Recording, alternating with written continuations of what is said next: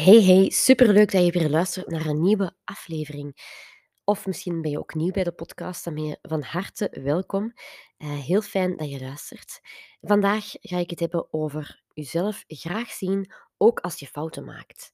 Want als jij iemand bent die de dingen graag goed doet, die graag haar best doet, ehm, die graag mooie resultaten wil bereiken, die soms naar perfectionisme neigt, en ook ja, als je naar deze podcast luistert, dan denk ik wel dat je dat zal herkennen.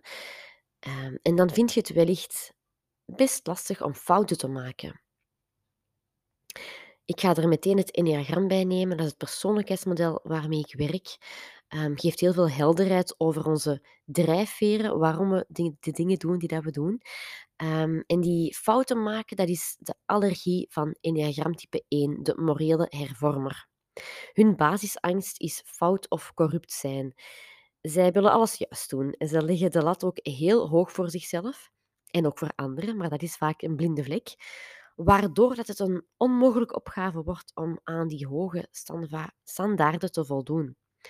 Ze zien zichzelf als het toonbeeld van integriteit.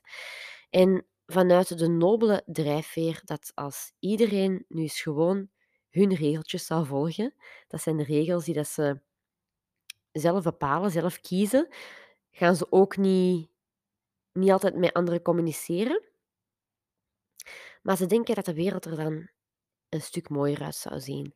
En ze ergeren zich aan alles en iedereen die dat niet volgens die regels, hun regels, handelt.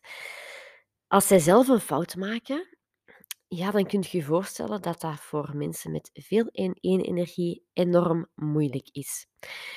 Um, ze gaan dat dan vaak op zichzelf projecteren. Ze gaan dat koppelen aan wie dat ze zijn. En daar wil ik het in deze aflevering over hebben. Hoe ga je er dan anders mee om als je fouten maakt? Hoe gaat je er liefdevol mee om als je fouten maakt? Ik had het ook zelf voor deze week. Ik had een, uh, een kleine fout gemaakt, een stomme fout. Um, en ik baalde zo hard achteraf. Um, maar dat gaf me wel de inspiratie om deze podcast te maken. Dus kijk, het heeft ook uh, zijn nut gehad. Maar soms kan u echt wel een schuldgevoel overvallen. Zelfs als het over kleine foutjes gaat. En daarbij wil ik u graag vier tips meegeven om ja, daarmee om te gaan op een liefdevolle manier. Tip 1. Wat dat je doet en wie dat je bent, dat staat volledig los van elkaar. Houd dat in gedachten als je een fout maakt. Dat zegt dus helemaal niks over u. Het maakt u geen gemeen persoon, geen domme werkkracht, geen slechte, slechte vriendin. Tip 2. Vergeef jezelf bewust voor je fouten, ook als het dus om kleine fouten gaat. Want op het moment dat we fouten maken, is onze innerlijke criticus zeer aanwezig. Heb je waarschijnlijk ook al wel gemerkt. En dat is ook niet gek, want onze innerlijke criticus heeft meestal de positieve intentie om ons te willen beschermen, in veiligheid te houden. Die stem zal dus een stuk luider gaan schreeuwen als je een fout maakt, om te voorkomen dat je dezelfde fout nog een keer begaat en dus niet meer veilig bent. Maar het kan een negatieve denkspiraal worden als je daar niet van bewust bent. Dat je een innerlijke criticus aan het woord is. Dat dat niet je ware zelf is. Meer zelfs, als jij niet de regie neemt op dat moment, dan wijst je jezelf onbewust af. Je mag dus echt bewuste aandacht gaan brengen naar zelfvergeving.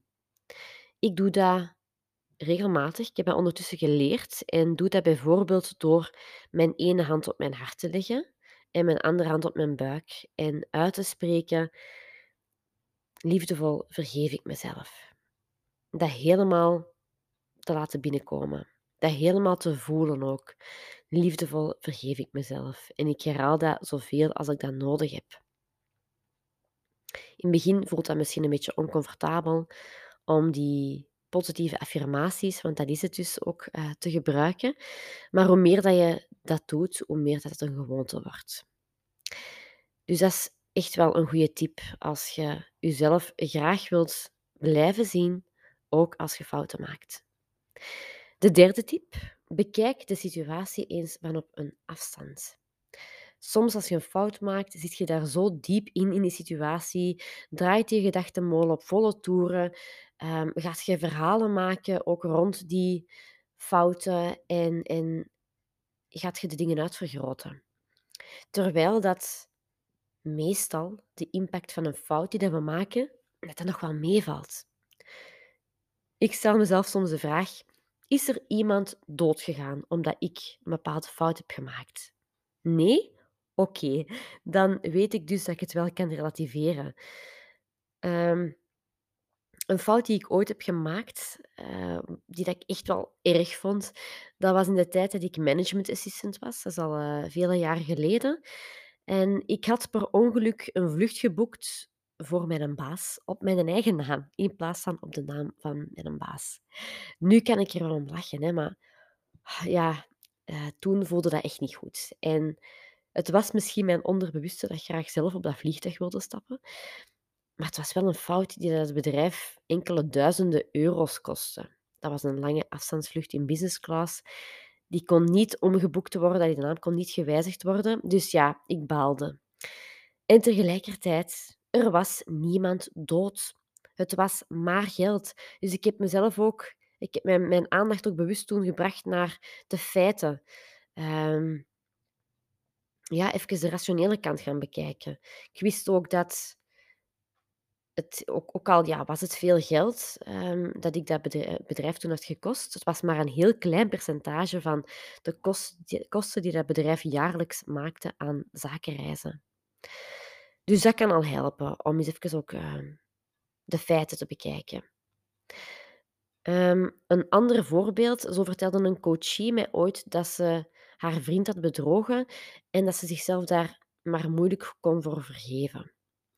Ze ging dat ook uitvergroten en er verhalen rond creëren. Ze had een fout gemaakt en ze dacht dat dat tussen haakjes goed was om zichzelf hiervoor te straffen door zichzelf te kleneren. En dat is niet gek dat we die reflex hebben. Hè? Ehm, we zien dat ook in onze samenleving, dat ja, mensen die erge fouten maken, die worden uit de samenleving gehaald, die worden opgesloten. Dat is hoe dat ons gevangenissysteem werkt. En enerzijds heeft dat uiteraard zijn nut om ook andere mensen te beschermen, maar anderzijds is het ook niet zwart-wit, denk ik. Ehm, hoe hard dat je jezelf ook straft, hoe schuldig dat je je ook voelt, ja, dat verandert helemaal niks aan de situatie. Hè? Ehm, ik ben ooit begeleid geweest door een psychologe die daar in de gevangenis werkte. En ze zei dat de meerderheid van de mensen die dat zij daar begeleiden, die daar opgesloten zat, dat die eigenlijk engeltjes waren. Ik vond dat toen heel, uh, heel interessant om te horen. Um, dat waren vaak mensen die daar heel lief tegen iedereen waren geweest in hun leven voordat ze die grote fout maakten, die dat maakte dat ze nu opgesloten uh, waren. Ze wilden zo mooi in het gareel lopen, cijferde zichzelf helemaal weg, tot op een gegeven punt dat al die onderdrukte woede, het feit dat ze niet zichzelf konden zijn, dat er als een tsunami uitkwam. En dat ze die fouten maakten die dat ze nooit meer konden terugdraaien. Dus ja, dat er misschien soms wel echt iemand dood was gegaan. Uh, en dat vond ik best heftig om te horen. En tegelijkertijd kon ik me dat ook wel voorstellen. Um, het is ook de schaduwkant die je ziet bij type 2. Natuurlijk wel in, in heel extreme vorm in dit voorbeeld. Maar dus wat dat je ziet bij type 2, de zorgzame adviseur, als zij in hun schaduwkant zitten van eindeloos geven, eindeloos pleasen, maar daarbij hun eigen noden compleet uit het oog verliezen, dan komt de ijzeren hand naar boven, zoals dat dan noemt. Wanneer dat ze niet de erkenning, de liefde of de dankbaarheid terugkrijgen waar dat ze stiekem op hopen, dan kunnen ze best wel zwart-wit worden. Elk type heeft ook een, eh, een diertje dat het uh, vertegenwoordigt. Bij de zorgzame adviseur is dat de kat. En uh, ja, ik vind dat altijd wel een mooie metafoor. De kat die eerst liefdevol kopjes komt geven, maar die dat ook in één keer kan uithalen. Die dat een keer goed kan krabben. een vriendschap van vele jaren kan ook zomaar, zomaar opeens beëindigd worden als type 2 in die vriendschap niet zichzelf is geweest. Als, als ze ja, heel veel hebben gepleased, heel veel hebben gegeven, maar als daar weinig voor terugkomt. Um, vandaar dat het relaties op lange termijn beter maakt als je je noden kunt benoemen. Dat was echt een les die ik zelf ook heb, heb uh, mogen leren. Um, de vierde tip om jezelf graag te blijven zien, ook als je fouten maakt, is checken hoe dat het zit met jouw verantwoordelijkheidsgevoel. Maar dat is ook het ding als je de neiging tot perfectionisme hebt, dan heb je wellicht ook een groot verantwoordelijkheidsgevoel. En dat dient u in veel omstandigheden. Als je een fout maakt en als je daar de verantwoordelijkheid voor neemt, als je dat kunt ownen, als je daarvoor kunt verontschuldigen, dan is dat heel krachtig, want daar is ook een stuk kwetsbaarheid voor nodig. Maar je kunt daar ook in doorslaan.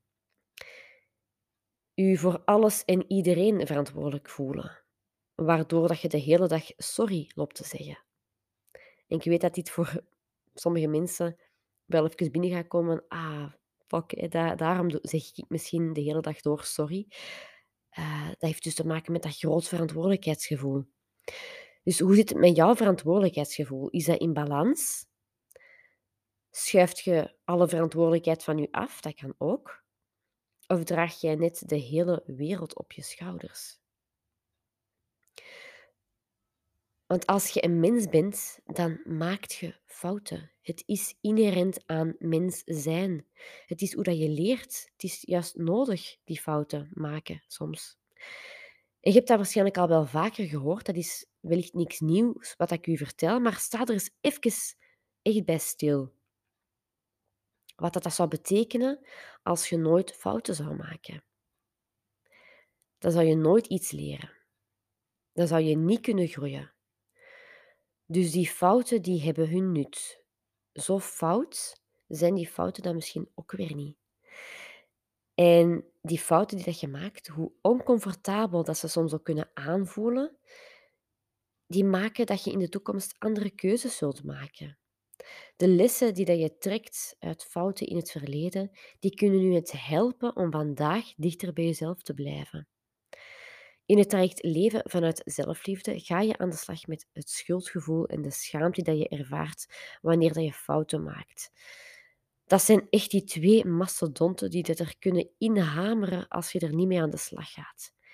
Die kunnen gaan woekeren en u echt wel verteren als je die onderdrukt. En dat hoeft echt niet zo te zijn, dat kan echt anders. Door ermee aan de slag te gaan, komt er ruimte voor zelfcompassie. Kunt je met meer mildheid naar jezelf kijken. En hier is het Enneagram echt van onschatbare waarde, omdat je daarmee naar je schaduwkant gaat kijken en die stap voor stap leert accepteren als een deeltje van jezelf. En natuurlijk, het niet de bedoeling om te zeggen, te zeggen van, ah ja, dat is mijn schaduwkant en uh, ja, ik kan er niks aan doen, want ik ben zo, dus ik blijf, blijf lekker die fouten maken. Nee, dat is natuurlijk niet de bedoeling. Um, ik denk dat je dat ook wel kan plaatsen, uh, dat dat niet de bedoeling is. Um, maar het is wel zo dat als je jezelf kan accepteren met die schaduwkant, dat dan de weerstand daartegenover wegvalt. Want dan hoef je niet meer te vechten tegen die delen van jezelf die dat je als slecht of fout aanziet. Dan mogen die er zijn. Want ze horen bij jou. Dan mag jij er zijn, precies zoals je bent. Wil jij ook tot zelfaanvaarding komen en weet je niet hoe dat je daaraan moet beginnen, boek dan eens een gratis intakegesprek. Daarbij luister ik naar uw verhaal en kijken we samen of dat het traject Leven vanuit Zelfliefde op dit moment voor jou de beste keuze is om u vooruit te helpen. Zo, dat waren de vier tips. Eh, ik hoop dat je er iets aan hebt. Dank je wel om te luisteren. Ik zou het super fijn vinden als je mijn podcast deelt met mensen van wie je, dat je denkt dat ze er ook veel inzichten uit zouden halen, wie dat ook kan helpen. Of als een aflevering u aanspreekt, dan mag je ze uiteraard ook altijd delen in je stories. Op Instagram vergeet me niet te taggen, want dan kan ik het ook zien. En dan uh, verwelkom ik u heel graag een volgende keer in een nieuwe podcast-aflevering.